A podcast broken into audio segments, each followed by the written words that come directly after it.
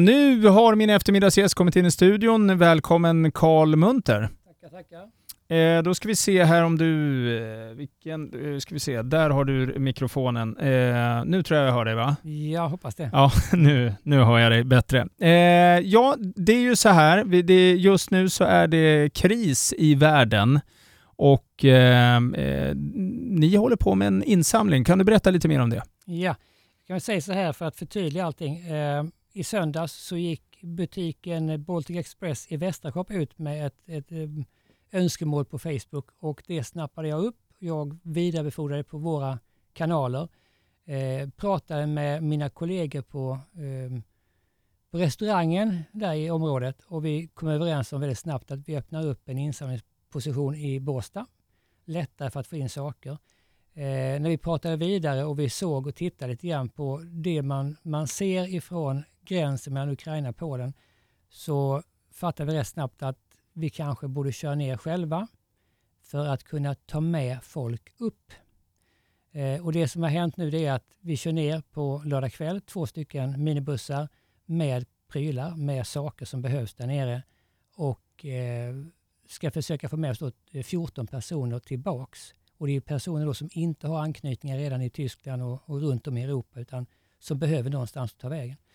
Eh, och jag kan förkorta ner lite grann. Vi har all information idag på Facebook i en grupp som heter Bjäre för Ukraina.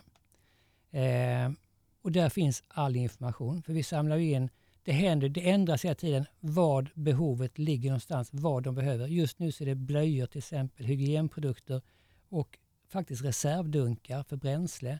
För att det samlas på väldigt mycket kläder där nere och de kan inte få ut, dem, få ut kläderna till skyddsrummen i Ukraina för att de ukrainska chaufförerna får inte tag på bränsle. Bränsle finns i Polen men det finns inga dunkar kvar. Polackerna har köpt upp allt och redan skickat in det i Ukraina. Ehm, om, om jag då skulle eh, känna att ja, men jag vill gärna hjälpa till. Jag förstår Facebook-sidan, absolut. Eh, men eh, jag kanske inte har Facebook. Vad, vad, hur kan jag gå tillväga? Hur får jag kontakt med dig Karl? Kan jag åka någonstans och lämna blöjpaket eller pengar eller vad det nu kan vara? Ja, vi har ute på Äppelgårdens golfklubb. Eh, restaurangen tar emot och jag sitter själv i Båstad tryckeri nere vid Stora vägen och jag tar emot. Vi jobbar ju tillsammans där. Eh, och vi finns ju där i stort sett från 8 på morgonen till klockan 8-9 på kvällen. Eh, sen har vi, för att det, det uppstår alltid ekonomiska behov och då har vi ett, ett swishnummer eh, där vi tar emot pengar och vi har fått ihop en bra summa men inte tillräckligt för att kunna lösa viktiga saker som till exempel transporterna ner. Eh, och man får gärna sätta in pengar där. Eh, som sagt, två minibussar som kommer åka ner. Är det, du en av dem som kommer åka eller hur ser det ut fördelningen? Nej, jag har så pass kontaktnät i Polen så att jag kommer sitta hemma och helt enkelt hjälpa de här fyra killarna. Det är, det är från, från restaurangen som folk åker ner eh, med kökschefen då i, i spetsen.